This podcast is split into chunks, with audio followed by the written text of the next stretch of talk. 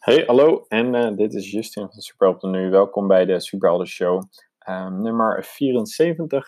Um, en in deze podcast um, interview ik uh, Helene. En Helene heeft onderzoek gedaan naar het onderwerp zelfcompassie en prestatiedruk. En uh, zeker perfectionisme en prestatiedruk is iets waar we ons allemaal in kunnen herkennen. Um, en soms ook door laten leiden, weet je, door verwachtingen van anderen of de standaarden.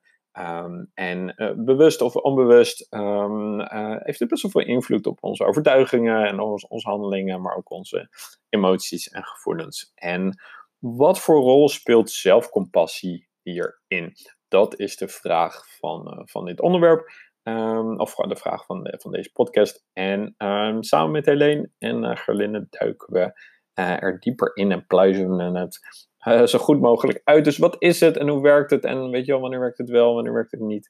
Wat zijn de nuances hierin? En we sluiten af nog met concrete handvaten en tips om dit ook zelf te toepassen. Uh, het is een lang gesprek, maar het is super interessant om te luisteren. Dus um, ik zou zeggen, heel veel luisterplezier als je nieuw bent.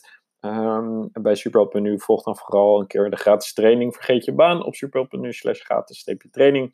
Uh, of check het Superheldenavontuur als je nog meer diepgang en persoon, persoonlijke begeleiding wil. Alright, veel luisterplezier. Uh, alright, nice. Nou, leuk uh, nogmaals om even te spreken vandaag. En we hebben natuurlijk over, als in, je stuurde mij um, een mailtje met, hey, ik heb deze scriptie geschreven. Misschien is het wel interessant voor, voor om eens over na te denken. En toen zei, stelde ik voor, we kunnen er ook een podcast over maken. Uh, volgens mij, zo ging het toch, uh, Helene? Ja, volgens mij ging het zo ongeveer. Ja, ja. ja. ja. Um, en leuk voordat we de diepte induiken. Misschien is het wel fijn om even kort te vertellen over hey, wie ben je en wat doe je. En um, vooral ook, hoe ben je, waar, waar gaat, uh, weet je wel, waar gaat het over? Waar, waar gaat het eigenlijk over? Waar hebben we het eigenlijk over vandaag? Goed. Ja. het is altijd een goed begin. Nou, ik ben uh, Helene, Helene Spreeuwers, uh, 33 jaar. Um, ik woon in uh, Wolfhezen met mijn lieve man Ruben. En momenteel is er een, een, kindje onderweg. Die is er nu ook bij, gezellig. Gefeliciteerd. Dank je. Um, en ik werk op een hogeschool en ben onderzoeker hoofdzakelijk. Ik ben oorspronkelijk opgeleid als maatschappelijk werker. En toen ben ik gaan doorstuderen om een master te doen pedagogische wetenschappen met de mhm. specialisatie pedagogische ethiek. Dat is een beetje de filosofische richting. Uh, en zodoende heb ik uh, een uh, thesis moeten schrijven. En dat mocht een filosofisch betoog zijn. En daar heb ik toch stiekem ook een beetje empirie in verwerkt. Dus, dus daar gaan we het vandaag een beetje over hebben. Ja, superleuk. Superleuk. Ja. Want de titel is Nooit genoeg. Met als subtitel, als ik goed begrijp, hoe zelfcompassie jongeren of mensen kunnen beschermen tegen overmatige prestatiedruk. Toch? Yep. Ja, nooit, nooit goed genoeg. Ja, nooit genoeg. En dan nooit tussen haakjes. Nooit goed. Ja, precies. ja, dat, dat, dat, praat zo moeilijk eigenlijk. Hè? Dat heb ik niet zo goed gedaan eigenlijk, uh, ja. vanuit communicatief oogpunt. Haakje open, nooit. Haakje Ja. Goed Correct, correct. Ja. en dat is natuurlijk interessant, um, interessant onderwerp. Als in met Superheld zijn we natuurlijk ook veel bezig over. Uh, wij noemen het dan je superschurk. En dat is dat. Ja. Dat oh, bij mij gaat het wel, maar ik laat hem even, ik laat hem even gaan. Ja, ja precies. Uh, met uh, dat stemmetje wat, weet je wel, tegen je praat en eigenlijk. Ja. een soort van vanuit negatieve overtuigingen en verlangens. Exact. Je allemaal dingen laat doen of waar je door je laat drijven en dat soort dingen. En in het avontuur proberen we natuurlijk uh, de superhelden daar ook handvaten voor mee te geven. Uh, ja. Om daarmee om te gaan. En ja. dat sluit natuurlijk 100% aan op uh, dit onderwerp of op de vraag stel, je hebt die overmatige prestatiedruk. Weet je wel, hoe helpt zelfcompassie dan daarin wel of niet? En, ja. en daar gaan we gewoon lekker voor wat dieper op induiken. Ja. Ehm, en voordat we dat gaan doen, wat ben wel benieuwd, wat was voor jou de aanleiding om voor dit onderwerp kiezen? Is dat uit eigen ervaring of inzichten of in je omgeving? Of wat heeft ertoe geleid om, uh, om je met dit onderwerp bezig te houden? Ja, leuke vraag. Ehm, ik uh, ben denk ik een jaar of zelfs wel anderhalf jaar bezig geweest in mijn hoofd met... Oké, straks komt mijn scriptie eraan. Ik had eerst een heel pre-master traject. Nou, dan moet je alle vakken gewoon afwerken eigenlijk. Hè? En, en je kunt steeds meer je eigen ding gaan doen. En ik wist, oh ja, een scriptie voor pedagogische ethiek betekent eigenlijk dat je helemaal vrij bent in themakeuze. Ja. Um, en nou ja, prestatiedruk is een super actueel probleem. Tenminste, als ik, uh, ik heb natuurlijk ook een beetje een, uh, een bias in, om, omdat het mijn thema is. Maar je ziet ontzettend veel langskomen in de media, maar ook binnen. Nou, ik werk binnen een hogeschool, daar is ook een hot, uh, hot item. Ja. Dus dat was de eerste. En ten tweede kwam ik dus um, in, in die voorbereiding, in dat jaar, was ik echt aan het zoeken naar wat voor uh, term bestaat er, of wat voor construct of begrip, um, die, dat rijk genoeg is om eens naast die prestatiedruk te leggen. En toen kwam ik dus op uh, een onderzoeker uit Amerika, Kristen Neff. Um, en zij doet al 15 jaar onderzoek naar zelfcompassie.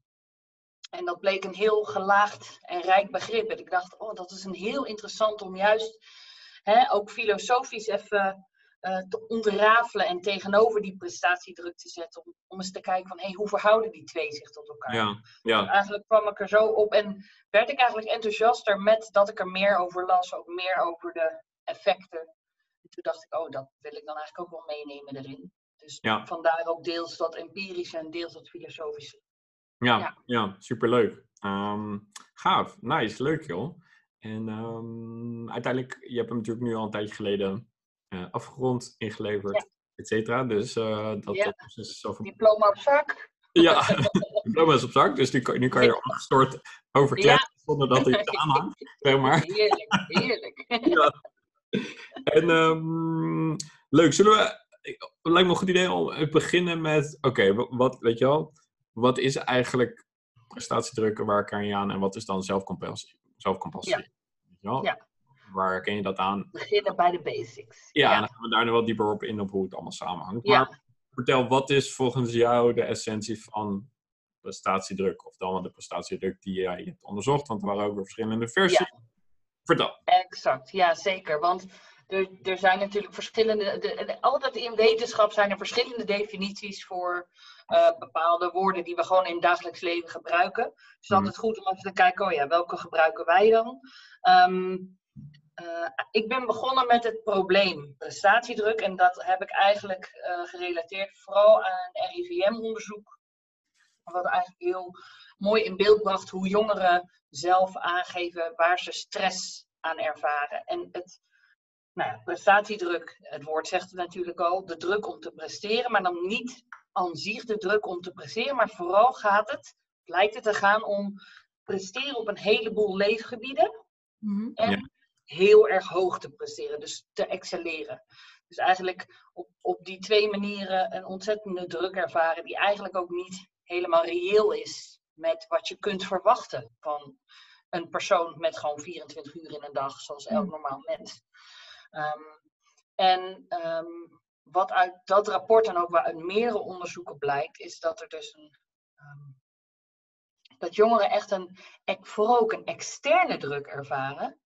Dus een soort externe stem die hen zegt, of het nou hè, de maatschappij is. Soms zijn dat hele vage aanduidingen, soms hele specifieke, zoals mijn vrienden zeggen dit of vinden, vinden dit, of mijn moeder of mijn familie of whatever.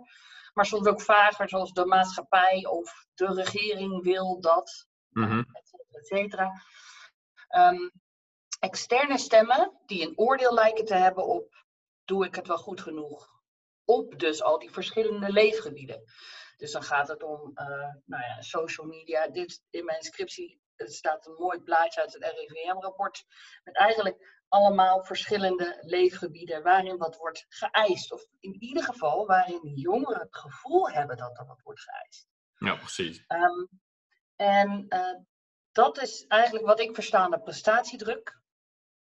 En hoe ik hem heb doorvertaald, want eh, dat bleef te vaag, vond mijn filosoof-begeleider.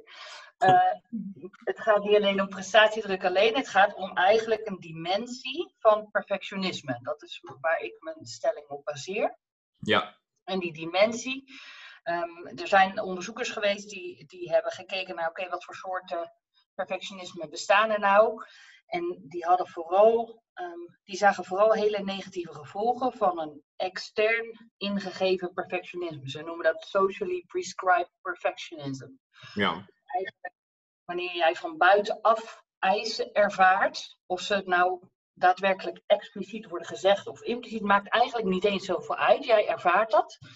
Ehm, eh, en je hebt daar vervolgens last van. Dat is eigenlijk uh, socially prescribed perfectionism.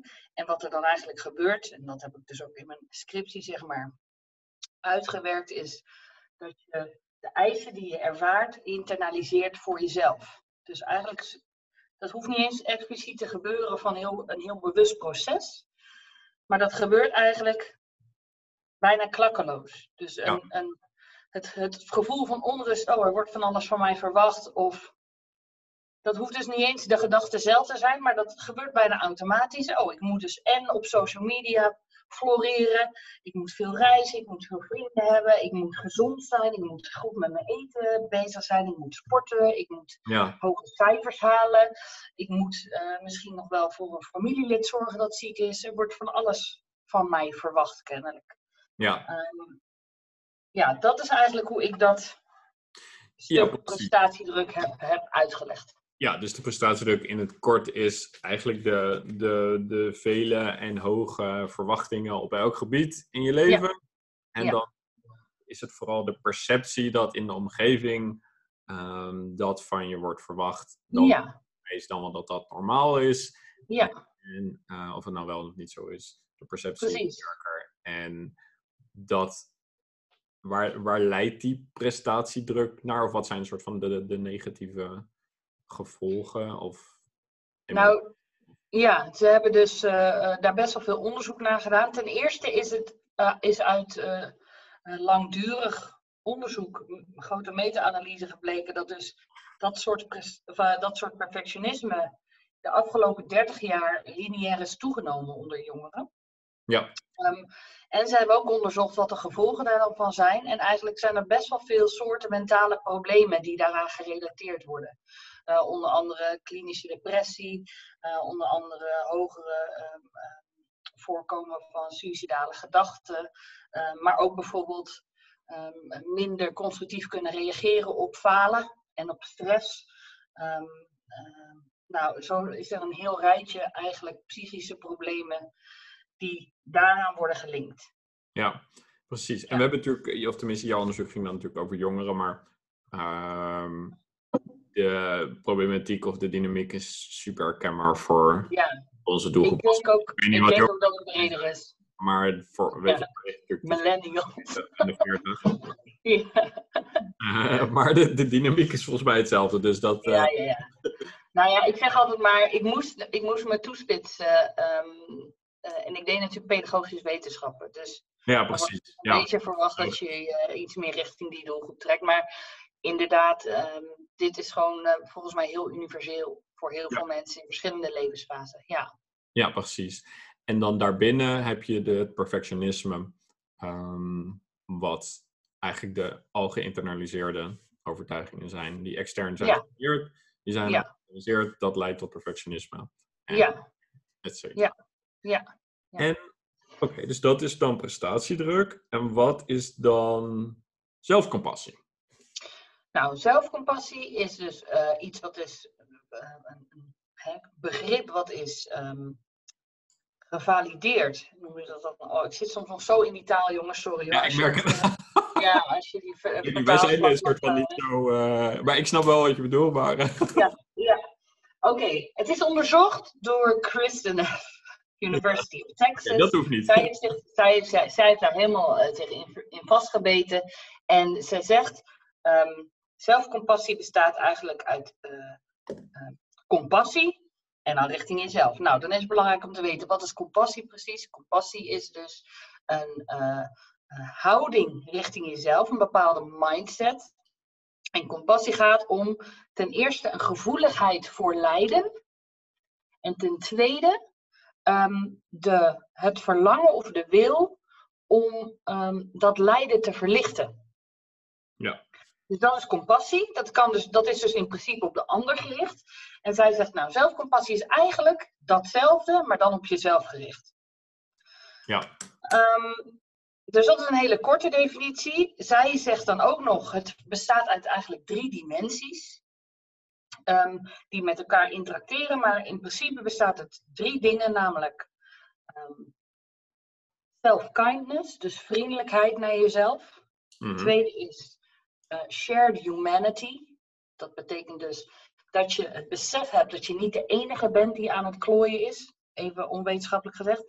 En de derde is ehm, mindfulness. Ja. En dan zegt ze eigenlijk voor elk van die onderdelen geeft ze ook een soort tegenover. Dus zij zegt ehm, self-kindness staat tegenover zelfkritiek. Ja. Ehm, en ze zegt bij die tweede, shared humanity, staat tegenover isolatie. Ja. Ehm, dus het gevoel, ik ben de enige, of de, het, het denken, ik ben de enige. En de derde, mindfulness, zet zij tegenover. Je kan vertalen als zelfmedelijden. Dus eigenlijk het zwelgen in negatieve emoties over, ehm, over jouw lijden, zeg maar. Ja, precies. En, En daar zou ik dan nog aan toevoegen, ook under identification zou ik erbij zetten. Want zeker in Nederland zijn we soms best gewend om te negeren als we lijden. Of te negeren als we eh, moeite hebben met nou ja, imperfectie of wat dan ook. ja, ja, zeker. En dat is super herkenbaar hoor, bij, de, Ja. bij heel veel superhelden en gewoon überhaupt Ja. iedereen Ja. in de superheldenwereld is echt alle drie, alle vier de verschillende dynamieken van Ja. zelfcompassie en het tegenovergestelde. eh, is super herkenbaar. Ik denk dat Mhm. heel veel young professionals, of hoe je ze ook wil noemen, inderdaad, dat gevoel van eenzaamheid, isolatie, dat, weet je, dat ze de enige zijn en kritiek Ja. zijn op zichzelf en een beetje daarin die negatieve cirkels te Ja.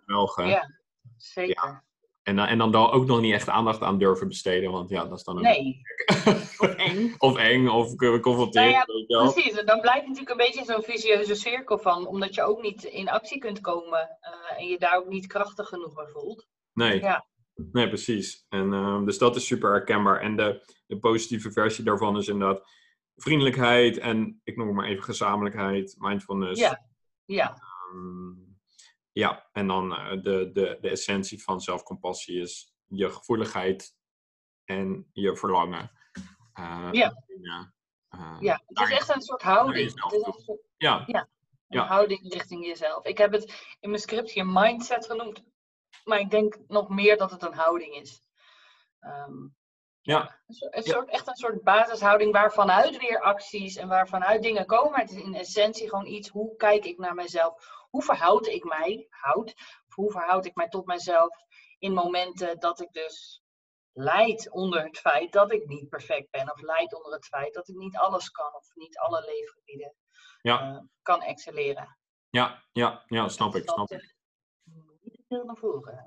Wat zei je als laatste? Niet te veel vooruitspoelen nu natuurlijk. Niet om de thematiek vooruit lopen.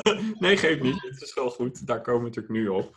Ehm, en ehm, om daar gelijk maar even inderdaad wat dieper ehm, op in te gaan. Want je hebt natuurlijk de, de, het, het verband daartussen Mhm. onderzocht.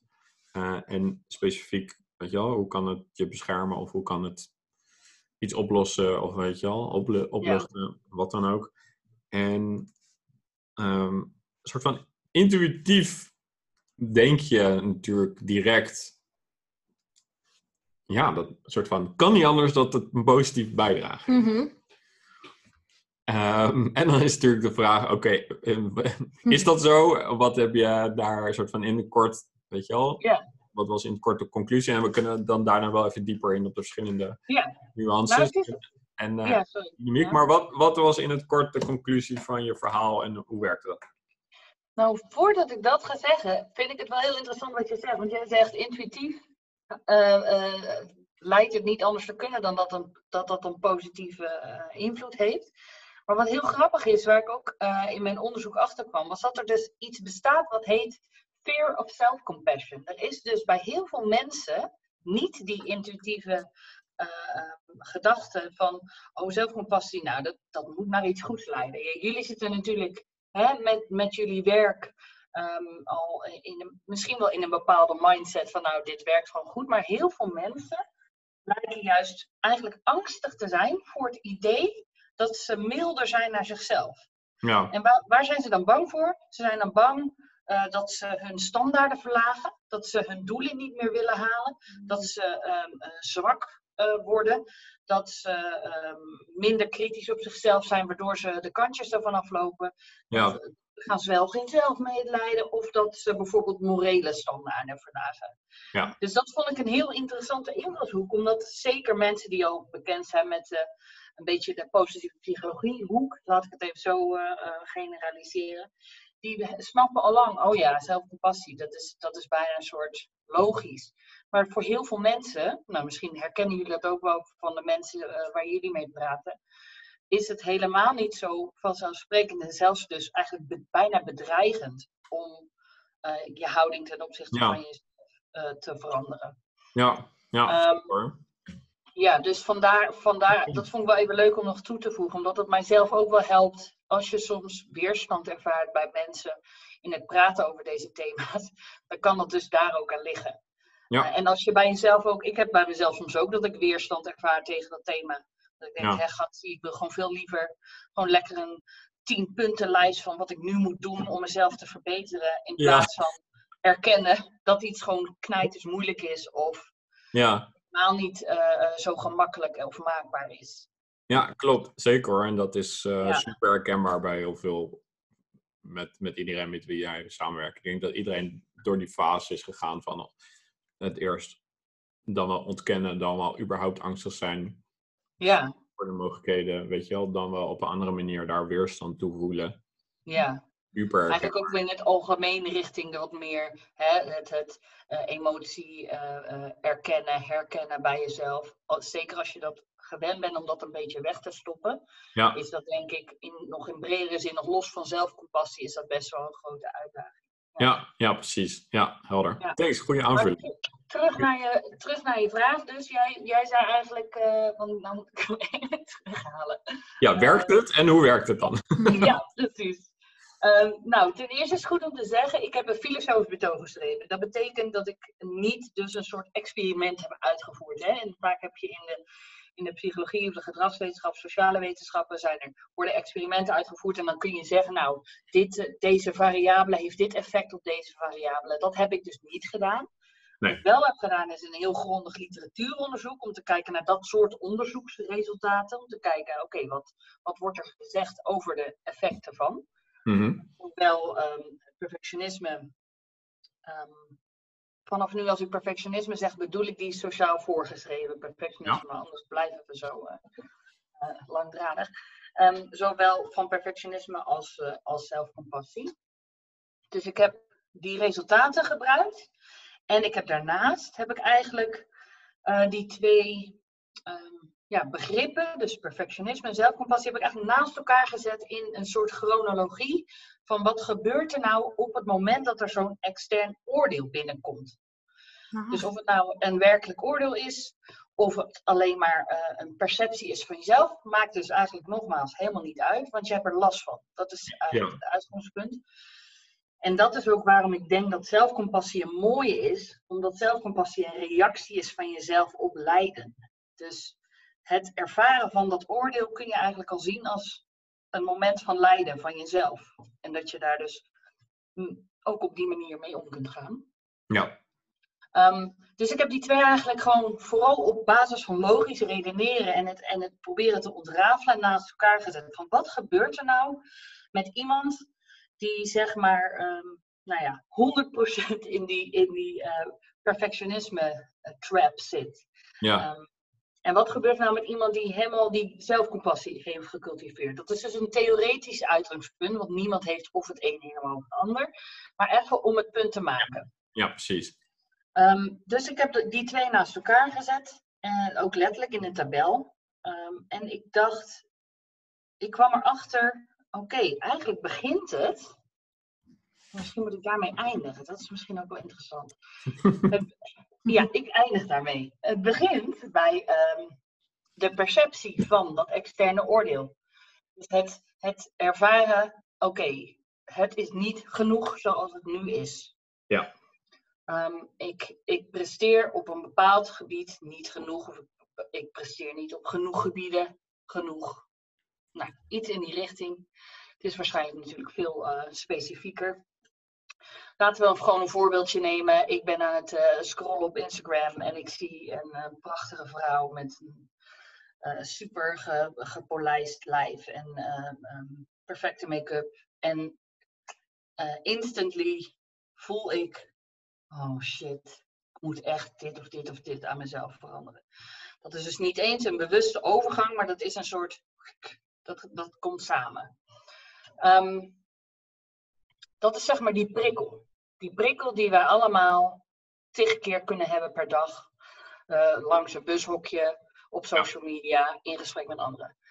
Ehm, en toen vergeleek ik die twee theoretische mensen met elkaar. En toen dacht ik, hé, hey, volgens mij gebeurt er dus iets met mensen uh, die uh, last hebben van dit soort perfectionisme. Namelijk, of er gebeurt eigenlijk iets niet, namelijk, uh, er is, lijkt geen reflectie plaats te vinden op dat ervaren oordeel. Dus er lijkt geen soort time-out te zijn, waarbij je je bewust wordt ten eerste van dat je die perceptie hebt. Ja. En ten tweede van, uh, wat doe ik er verder mee? Ja. Dus wat er dan lijkt te gebeuren met iemand met dit soort perfectionisme is het internaliseren. Dus dat betekent eigenlijk zoveel als het je eigen maken. Hmm. Uh, dus eis die eerst van een ander was, wordt van jezelf. Ja. En vervolgens lijkt er dus chronologisch weer iets aan vast te zitten, namelijk de motivatie om te veranderen. Dus, Mhm. oh, ik wil dus iets aan mijzelf veranderen. Of iets aan mijn gedrag, of iets aan mijn prestaties. Zodat ik verbeter, et cetera. Ehm, maar het, het moeilijke met dat perfectionisme is dat het excessieve standaarden zijn waar waaraan je probeert te voldoen. Het is onrealistisch wat je wil. Dus ehm, ehm, wat ik dus zag is dat je eh, ehm, vervolgens die motivatie hebt om te veranderen. Je gaat dat proberen, je bent gemotiveerd, je, je denkt, nou oké, nu ga ik dit. En vervolgens lukt het niet, omdat die eis eigenlijk al te hoog is. Want je wilt te veel op te veel gebieden. Ja. Ehm, en vervolgens be- beredeneer ik dus op die manier, kom je eigenlijk in een negatieve spiraal. Want, en dan kom ik terug naar het eerste blokje nul, wat ik net even, even liet liggen. Is eigenlijk laag die ik heel belangrijk vond om wel te noemen. Omdat het lijkt alsof het ook gaat om, ben ik überhaupt goed genoeg, los van mijn prestaties en mijn voorkomen en wat ik kan en wat ik doe. Ja. Dus eigenlijk als mens, dus best wel een diepe, diepere laag. Ben ik als mens, vind ik mijzelf oké, ook als ik niet dat allemaal kan, ook als ik niet beter ben dan anderen in iets, of minimaal Ja. even goed, et cetera, et cetera. Ehm, maken we het overstapje naar iemand met zelfcompassie? Daar zag ik bij dat blokje, hè, die, die, eh, die zelfwaarde, dat volgens mij zit daar veel meer onder dat je al oké bent, dat je ehm, eigenlijk die overtuiging al in de basis mag hebben over jezelf. Ja. Dat het goed is zoals het is. En dat eigenlijk alles wat daar bovenop komt bonus is. Ja. Dus dat, dat geeft bijna, ja, de term die nu in mijn hoofd komt is existentiële ontspanning. Ja. maar, dat Wij noemen dat je je, je innerlijk superheld wakker maken. Eh, als in eh, het is super herkenbaar hoe dat soort van van buiten weet je, wel, naar binnen toe zijpelt. Ja. Echt bijna de kern raakt van de kernovertuiging van ik ben wel of niet goed genoeg. ja, Ehm, dat is ook een van de thema's waar, of een van de dingen waarmee aan de slag gaan in, in het avontuur bijvoorbeeld. Inderdaad, hoe, hoe Ja, werkt jou? dat- Hoe ja, dat is ook precies. Super herkenbaar hoor, wat je zegt. En Ja, een van de eerste dingen inderdaad wat je zei van ja, je, je neemt het automatisch over, dat, dat externe, en je bent niet kritisch op, is dat wel voor mij? Is het wel, exact. haalbaar? Moet ik hier überhaupt iets mee? Uh, Precies, precies. Dat is dus ook, ja, dat is dus ook wat, wat iemand met eh, zeg maar 100% zelfcompassie kan. Ehm, daar, dat hij daar meer ruimte voor kan maken. Dus je hebt dat, dat eerste, die, die, ik noem dat, um, um, hoe heb ik dat ook weer genoemd? Inherente zelfwaarde, geloof ik. Nou goed, dus los van wat ik doe, weet ik dat ik, dat ik van waarde ben. Los van mijn prestaties, of ik wel of niet excelleer, weet ik dat ik als mens gewoon oké ben. Ja. Dat is de basis. En dan vervolgens heb ik zo beredeneerd dat de zelfcompassie eigenlijk ruimte geeft voor kritische reflectie op dat ervaren oordeel. Waardoor je uh, niet direct overgaat tot dat internaliseren, hè, tot het je eigen maken van al die externe oordelen.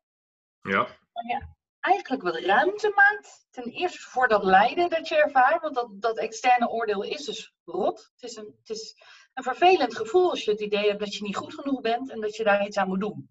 Ja. Um, maar ook om ruimte te maken eigenlijk voor kritische reflectie op dat oordeel. Van hé, hey, van wie komt dit? Um, is dat iemand aan wie je kan vragen of dat klopt? Heel vaak niet. Heel vaak is het gewoon een soort gevoel wat, op je komt op het moment dat je nou ja, naar anderen kijkt. Of ja. het kan ook vanuit jezelf komen of iets wat je zelf projecteert. Maakt allemaal niet uit. Maar kun je kritisch kijken naar um, wat, vind ik, wat vind ik eigenlijk van dit oordeel. Ja. Ben ik het ermee eens? Um, precies wat je eigenlijk net zegt. Wil ik, wil ik hier iets mee of eigenlijk helemaal niet? Moet ik hier iets mee of eigenlijk helemaal niet? Ja. Um, ik denk daarom ook dat het best wel um, overlap heeft met autonomie en autonomieontwikkeling. Waardoor het toch ook wel zeker in, in hè, die puberleeftijd wel heel relevant is om naar te kijken. Van hoe laat je jongeren omgaan met. Maar voor alle leeftijden is het natuurlijk iedereen is eigenlijk nog continu in autonomieontwikkeling in die zin. Van hoe kan ik mij verhouden als ik ten opzichte van de wereld die van alles misschien wel van mij eist of lijkt te eisen. Um, dus dat geeft eigenlijk, zelfcompassie lijkt ruimte te geven voor die pauze eigenlijk. Ja. Die pauze in het proces van, oh, ik moet iets gaan doen. En vervolgens, want dan heb je nog steeds, het volgende blokje is dan weer die motivatie voor nieuw gedrag kun je besluiten, oh, um, ja, eigenlijk ben ik het er wel mee eens dat ik dit of dit zou willen aanpassen. Of... Maar dan is het vanuit een andere motivatie dan ik moet perfect zijn om van waarde te worden. Precies. Ja, ja. Dan wordt het veel mijn eigen keus. Ja, en dan is de intentie of het vertrekpunt van het proces heel anders. En ja. Um, weet je, hoe je er doorheen gaat en wat het oplevert, is dan natuurlijk ook heel anders. En begint ja. met die zelfbewustzijn of eigenlijk het moment van pauze. En besef dat, dat die gedachten niet van jou zijn of die eisen, maar van weet je wel, iets of iemand anders. En hoe jij er daarop reageert en wat je er wel of niet mee doet. Ja. Dat is volgens mij stap 1 van zelfcompassie. Uh, ja. Begrepen. En uh, daarin, weet je wel, dat gaat dan door die, door die verschillende lagen, zei je. En kan je dus dan concluderen dat inderdaad zelfcompassie helpt tegen of beschermt tegen of iets oplost? Hoe, hoe zou je de nou, positieve invloed uitleggen? Ja, sowieso blijkt dus uit onderzoek, dus uit die effectonderzoeken, blijkt dat uh, uh, zelfcompassie zowel een directe als een indirecte beschermende factor is tegen perfectionisme en prestatiedruk. En wat, wat betekent dat, direct en indirect? Nou, dat betekent dus zoveel als dat het, um, dat het cultiveren van zelfcompassie bij jezelf helpt eigenlijk je algehele mentale gezondheid. Dat ten eerste. Ja. Um, het welbevinden noemen ze het ook wel. En tegelijkertijd, direct heeft het, uh, is het een beschermende factor tegen de negatieve gevolgen van uh, perfectionisme die ook zijn onderzocht. Dus bijvoorbeeld die depressie, dus bijvoorbeeld suïcidale gedachten, dus bijvoorbeeld uh, slechter omgaan met falen en stress, uh, hoge bloeddruk, dat soort dingen, die wordt geassocieerd met perfectionisme. Daar zit dus zeg maar, bij zelfcompassie zit dat precies, um, wordt dat precies versterkt ofwel ja. uh, verminderd. Ja, ja, helder, helder. Wat trouwens goed is om te zeggen is, iemand met zelfcompassie is dus niet per se iemand die die prikkels en die oordelen niet ervaart. Dus het sluit elkaar niet uit. Ja. Dus het is dus ook niet een soort eh, cure of een, of een soort. Het geeft geen immuniteit voor dat oordeel. Het geeft alleen een verminderde sensitiviteit. Dat Ja. geloof ik wel. Dus een, je, je wordt minder sensitief voor die prikkels hoe meer je kunt gaan eh, werken aan eh, ja, wie ben ik en wat wil ik. Dan word je ook minder gevoelig voor die. Oh, je moet dit of je moet dat. Of eh, Ja, nee, die- ja, dat externe oordeel. ja, ja, helder, helder. Ja. Ehm, nice, heb jij daar nog een vraag over? Eh, nee, ik denk dat het wel beantwoord is. Ja. Ik wil vragen. Ja. Ja. Ehm, cool, alright. Dat is een soort van, oké, nu hebben we een soort van de basis te pakken van het verhaal. wat, super, wat al super inzichtelijk is. En, en ik denk voor heel veel mensen die luisteren super herkenbaar. Die dynamiek daartussen. En weet je wel, wat de eerste stappen zijn of zo. Weet je wel, om het, om het een beetje in, de, in te dammen, om het zo maar te zeggen. Mhm. En ik kan nog wel wat extra soort van verdiepende vragen dan wel. Ja. Aanvullende vraag hierop. En de eerste is ehm, eigenlijk tweeledig. Weet je wel, is er ook een voordeel van perfectionisme? Dan wel werkt dat ook op een, op een manier die je wel dient? En kan ik ook in het zelfcompassie doorslaan in, in perfectionisme? Mhm. Kan ik perfect zelfcompassie uitoefenen?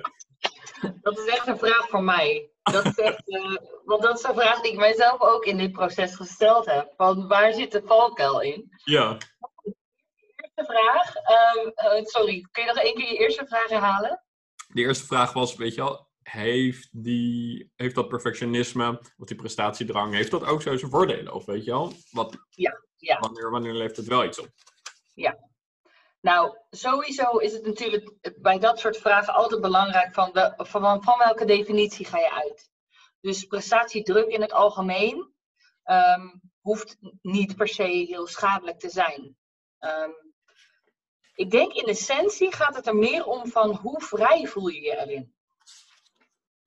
Ehm, hoeveel, hoe- ruimte voel, ja, hoeveel ruimte voel je nog om ook iets, iets eh, te kiezen wat niet eh, voldoet aan de, aan de druk die je ervaart? Ehm, als je het weer even wetenschappelijk trekt naar die, dimen- die verschillende dimensies van perfectionisme. Hè, dus ik heb die, die externe ingegeven eh, eh, vorm heb ik vooral op ingezoomd.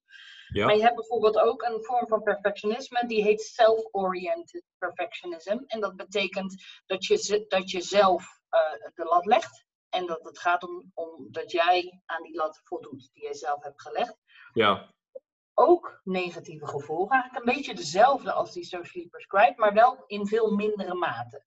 Dus daaraan zie je ook wel dat dat ook een ehm, onderdeel van je autonomie kan zijn. Dus dat je eh, in sommige, op sommige gebieden, gebieden misschien soms denkt: hé, hey, hierin wil ik gewoon even, echt even helemaal knallen en dit even supergoed doen. En dan voel je ook eh, misschien wel die prestatiedruk of even die positieve stress eh, om te presteren. En je gaat ervoor. Maar je weet ook dat het een eigen keuze is. ja.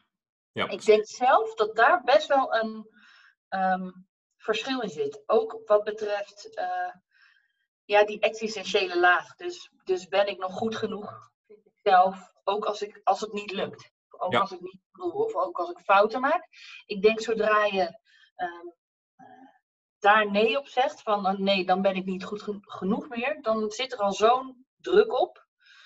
Ik vraag me af of dat gezond is.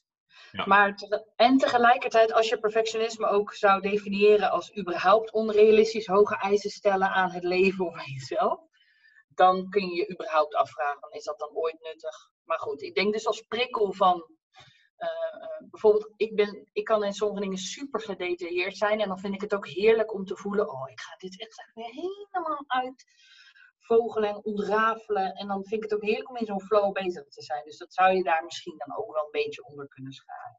Ja, ja, precies. Ja, ik snap het. Dus inderdaad, als de vrijheid er is, als het vanuit een gezonde gedachte is, Ja. en eh, als het niet te vaak is en niet uh, Ja. Wordt, dan, dan kan het je ook wel eens dienen. Maar vooral het vertrekpunt vanuit welke overtuiging is natuurlijk essentieel voor Ja. eh, dat. En je kan je dan natuurlijk afvragen, is het dan inderdaad nog, moet je het dan nog perfectionisme noemen? Of niet? exact. Ja. Exact. Ja, helder. Perfect, Perfect samengevat. Dankjewel. Ik zit erop. En eh, ehm, de, de tweede vraag is, ik weet niet of we die al deels hebben beantwoord, maar ehm, kan ik dan ook inderdaad, weet je wel, perfect zelfcompassie uitoefenen op mezelf? Hm. Ja, ik vind dat een geweldige vraag. Want ehm, die schuilt er namelijk in. Juist voor mensen die last hebben van dat perfectionisme, kunnen dit dus ook, die kunnen dit dus ook weer zien als een soort van. Oké, zeg me wat ik moet doen. En Ja, ik ga ervoor. En, eh, precies. de- stap 1 tot en met 10, zeg maar, tot de perfecte zelfcompassie. Ehm, nou, als ik daar even over nadenk, denk ik terug aan eh, vorige week, of twee weken geleden kwam een collega van mij met een, eh, een model van eh, Paul Gilbert. Ik weet niet of je hem kent, maar hij heeft eh, ehm, eh, drie gebieden van emotieregulatie in een, in een, in een model gezet. En eh, die zegt, nou, wij zijn van oudsher gewend om of in een jagermodus te zitten, of in een beschermingsmodus, of in een zorgmodus. En dat vond ik ontzettend interessant. Je denkt, waar gaat dit naartoe? Maar dit heeft echt wat mee te, heeft er echt wat mee te maken. Die jagermodus is zeg maar positieve stress, heel kort gezegd. Dus yes, we gaan ervoor, ik ga dingen doen en ik ga dingen ondernemen. En daar kan ook heel erg dat in zitten van dat zelfverbetering. En eh, Ja. doen, heel erg het doen en het beloond worden voor het afvinken van je takenlijst, bij wijze van spreken. Dan heb je die beschermer, daar zit meer ehm, het afweren in, angst, eh, boosheid ook. En ehm, jezelf beschermen tegen de boze buitenwereld. En dat zorgsysteem gaat dus veel meer over eh, zachtheid. Eh, daar zit zelfcompassie ook heel erg in. Ehm, het accepteren van dat het is wat het is. En ook heel erg sociale verbinding. Dus het, het zoeken van relaties en van Ja, eigenlijk het toelaten van je kwetsbaarheid. Ehm, en ik vond dat zo'n mooi modelletje, want ik dacht ineens, hé, hey, dit geeft mij weer nieuwe taal. Want ik denk dat wij vaak ehm, proberen in dat, vooral in die jagerkant, dus als we tjaka tjaka lekker aan de slag willen ergens mee, bijvoorbeeld met eh, hoe krijg ik meer zelfcompassie, ehm, daar kom je niet goed bij zelfcompassie, denk ik. Daar kom je als je in die zorgkant komt. Dus in, die, in dat, dat hè, als je een keer lekker in bad gaat, kaarsjes aan bij wijze van spreken. Je, je, je- moet eigenlijk dus je hele systeem eh, anders. Ja, je, je hebt een andere mindset nodig voor het aanleren van zelfcompassie dan voor het eh, doen van je takenlijst. En dat is voor heel veel mensen denk ik heel ingewikkeld. Omdat we super gewend zijn om in of die beschermingsmodus te zitten of in die jagersmodus. Ehm, dus als je eh, teruggaat naar jouw vraag, van kun je ook een soort perfect zijn in, in, in zelfcompassie, dan zit je een beetje, denk ik, in die jagersmodus als je die vraag stelt. Niet jij, maar al- al- iedereen die zich die vraag nu stelt, zit Ja. dan een beetje in die doen-modus. Hè? Hoe kan ik dit gaan doen? En ik herken hem bij mezelf ook heel erg. En dan is het misschien dus wel de grootste uitdaging om te kijken, hé, hey, maar hoe kan ik dus eigenlijk bij een wat meer zorgende kant van mezelf komen om eh, zelfcompassie aan te leren. Dat is dus het prachtige, want je leert misschien wel eens een nieuw stukje van jezelf kennen, maar dat is tegelijkertijd ook best wel lastig als je gewend bent om best wel veel te doen en het Ja. goed te willen doen. ja, ja, precies. Ja, ik snap het. Ehm, ja, helder. Dus vanuit het vertrekpunt vanuit het meer zorgende kant is het wel wat prettiger om het aan te vliegen dan alleen maar, oké, ik moet het nu in tien stappen bereiken, want dan, ja, Ja. Dan heb ik het gedaan. Ik wil nu zelfcompassie voelen. Met je, als je doelen stelt of tijd aan vastzit en met zorg, weet je, ik neem de tijd om even goed voor mezelf te zorgen. Maakt niet uit hoe lang het duurt. Ja, zeker. Ik denk dat die, die superschurk, zoals wij hem dan noemen, veel meer ook vanuit gebrek altijd Hmm. opereert. En dat soort van tijdsdruk en deadlines zijn ook nuttig, daar niet van. Het is alleen niet, denk ik, het juiste onderwerp om het op te doen. Ja. Ja, ja. Want, eh, sure, dat levert wel wat op, weet je wel. Lekker doelgericht en gestructureerd en, weet je wel, even knallen op de korte termijn. Maar zoiets, als, zoiets waardevols als je innerlijk superheld wakker maken of, weet je wel, meer zelfcompassie hebben en je minder laten leiden door die externe verwachtingen en eisen, is niet iets wat je bereikt. Dat is een soort van constant proces. Ja. Je hebt nooit het doel bereikt. Nee. Dus je kan het ook niet doelgericht in die zin aanpakken. Hoogstens een soort minimaalpaal van, oh oké, ik heb er, ik ben er. Weet je wel, ik ben naar begonnen. Ik moet even over die Ja. drempel heen, dus ik ga even er flink voor. Maar uiteindelijk op de lange termijn denk ik dat je nooit dat zo vanuit dat oogpunt kan, het proces kan doen. Nee. Ik denk dat dat averechts Ja, werkt, want je versterkt daarmee elke keer weer. Er is niet genoeg. Ja. Oftewel, ik ben niet genoeg. ja dus ga je weer harder werken. Dus dan ga je weer harder werken, waardoor je weer minder voor jezelf zorgt, et cetera. Ja. Oké. Goed, Oké, dat was even. Ja, nee, mooi, mooi.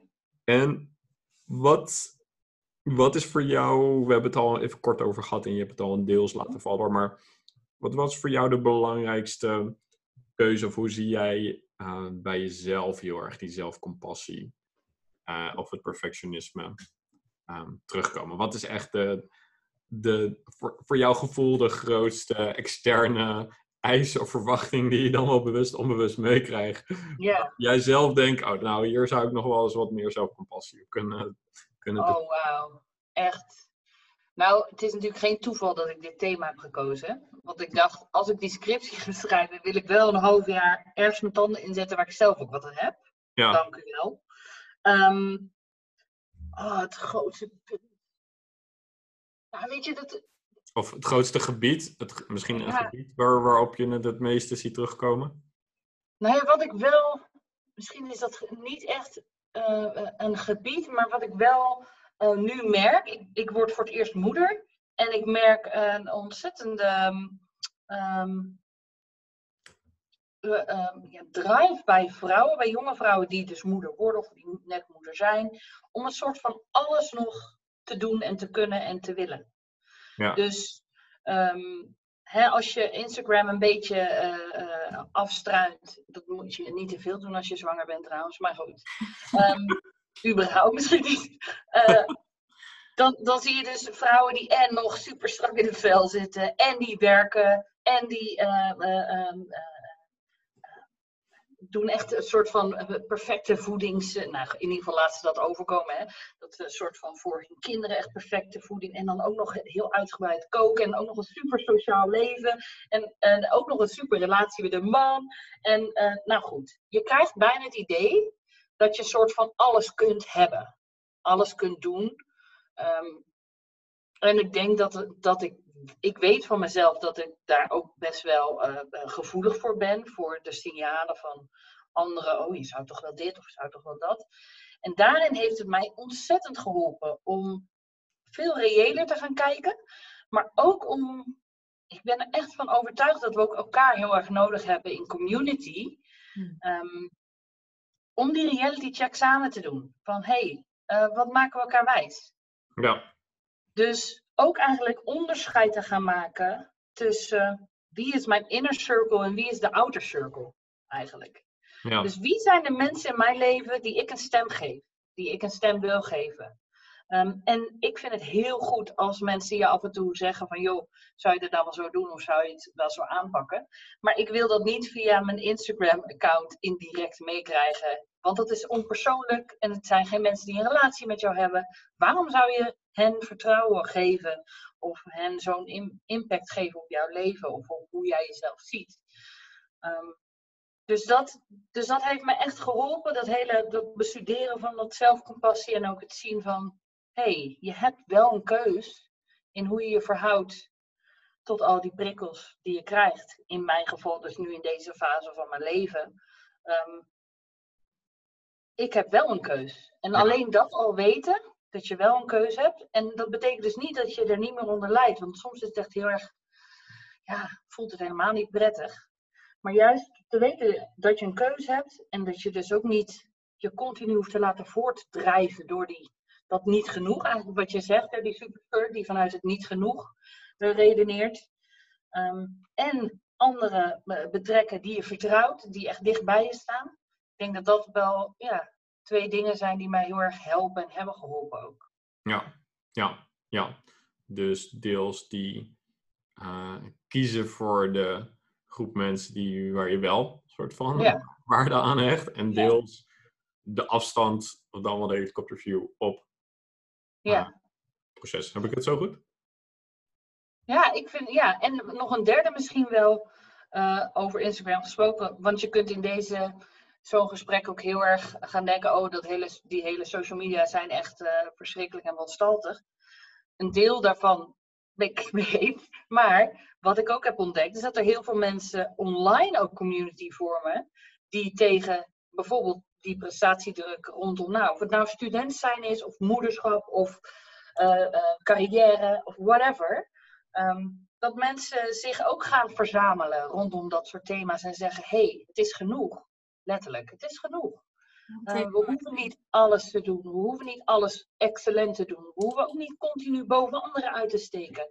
En een soort van ons eigen leven te creëren en te perfectioneren.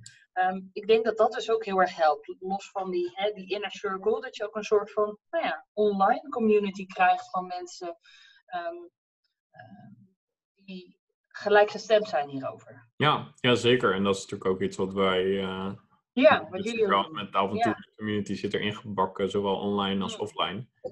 En dat is, is super waardevol. Zo Ja. van je, je, je lost of je pakt heel veel dingen in één keer daarmee aan.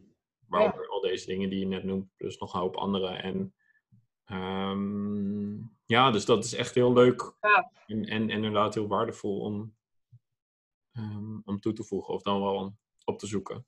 Ja, ja. ja, cool. En ehm, oké, ik heb nog wel één soort van één praktische vraag. Heb jij nog echt iets wat je graag wil weten? Eh, nee, mijn vraag was meer, wat zou je bijvoorbeeld vandaag kunnen doen om een hele kleine stap te maken? Ik kan me ook voorstellen als mensen zo erg in dat perfectionisme zitten, dat op één zelfcompassie, dat het ook misschien een grote stap is, zeg maar. Ja. Ja, dat is inderdaad natuurlijk voor iedereen ook anders. Hè? Waar zit je zelf in je proces? En, maar tegelijkertijd iemand die dit nu nog steeds aan het kijken is, die, eh, die is kennelijk ook een beetje aangehaakt en, en geïnteresseerd in het thema.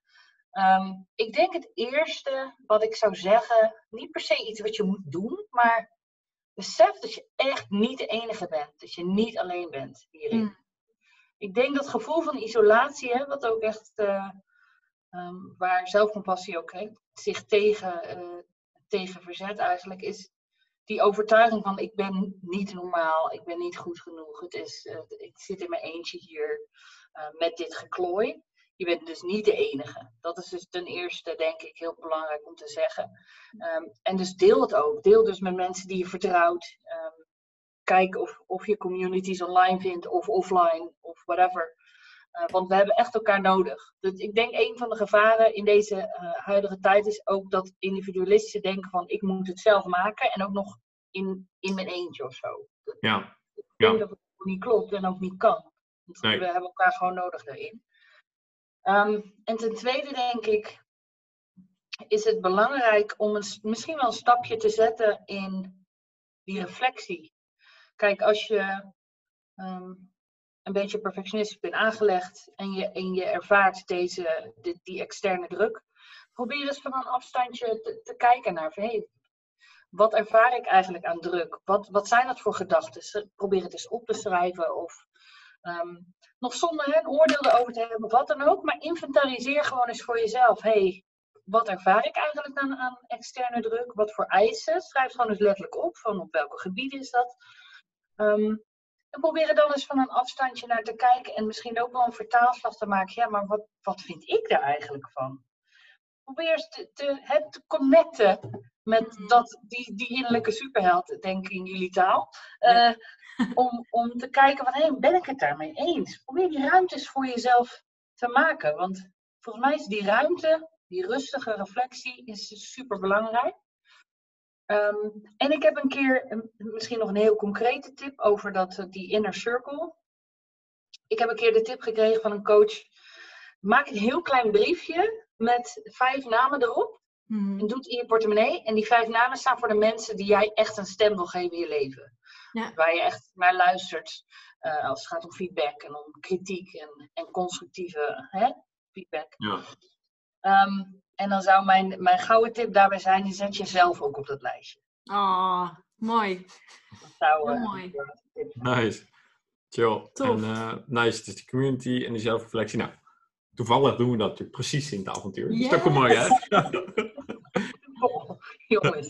En het, dat sloot ook aan bij, ehm, bij wat ik wilde vragen hoor. Van oké, wat, wat zijn voor jou de eerste ehm, dingen waar je mee aan de slag zou kunnen gaan als je hierin herkent? Ehm, dus als je dit luistert en je doet nog niet mee met het avontuur, laten we een keer kennis maken. Ja. Eh, en ehm, wil jij hier verder nog iets over kwijt, Helene? Als in, we hebben natuurlijk al veel besproken. We hebben wat diepgang en wat nuance aangebracht en wat concrete handvaten. En eh, we zijn nu een uurtje aan het kletsen. Wat, wat is nog het, het laatste wat jij hierover wil, eh, misschien wil vertellen of vragen? Nou, sowieso was het superleuk om te doen. Want ik vind, als iemand mij zou zeggen, loop een uur leeg over dit thema, dan kan ik dat met veel moeite wel doen. Maar het, ik vind het heerlijk als mensen vragen stellen en dat je dan eh, daarop ingaat. Dat vond ik een groot plezier. Ehm, wat ik misschien nog wel als tipje zou geven voor de mensen die toch lekker houden van hands-on. Ehm, ik kwam laatst een app tegen. Ehm, en oh, dan moet ik weten hoe die heet.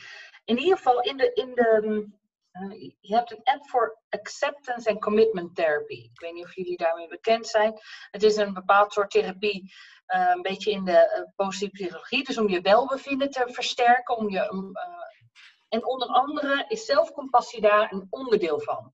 Mm -hmm. En in die app heb je hele kleine, simpele oefeningetjes waar je zowel op audio, dus die, die kun je luisteren, als ook um, uh, dingetjes die je kunt schrijven, zeg maar digitaal op kunt schrijven. Oefeningetjes om um, uh, een beetje sterker te worden in onder andere zelfcompassie. Je hebt daar gewoon een hele rits aan dingen. Volgens mij als je de betaalde versie wil, is het eenmalig 10 euro nog iets. Dus het is echt uh, ook best wel een laagdrempelige manier, vind ik. En, nou, en ook een goedkope manier. Hè? Iedereen heeft natuurlijk zijn eigen budget. Om, om eens een keer wat meer te proeven van hey, hoe kan ik dat nou doen? En ook met het idee van, ik hoef het niet allemaal zelf uit te volgen. Want er zijn al lang mensen die hierover na hebben gedacht van, hoe ja. kun je dit meer aanleren? Leuk, goed om te horen. En uh, goede tip. En ook uh, zeker die acceptance commitment, dat, daar zijn we bekend mee. Sterker nog, dat zit al deels... Ja, dat vermoed ik al, ja. En, uh, en de modules, ja. dus dat is wel bekend. En ja. deze app ken ik nog niet, maar ga ik eens even zoeken.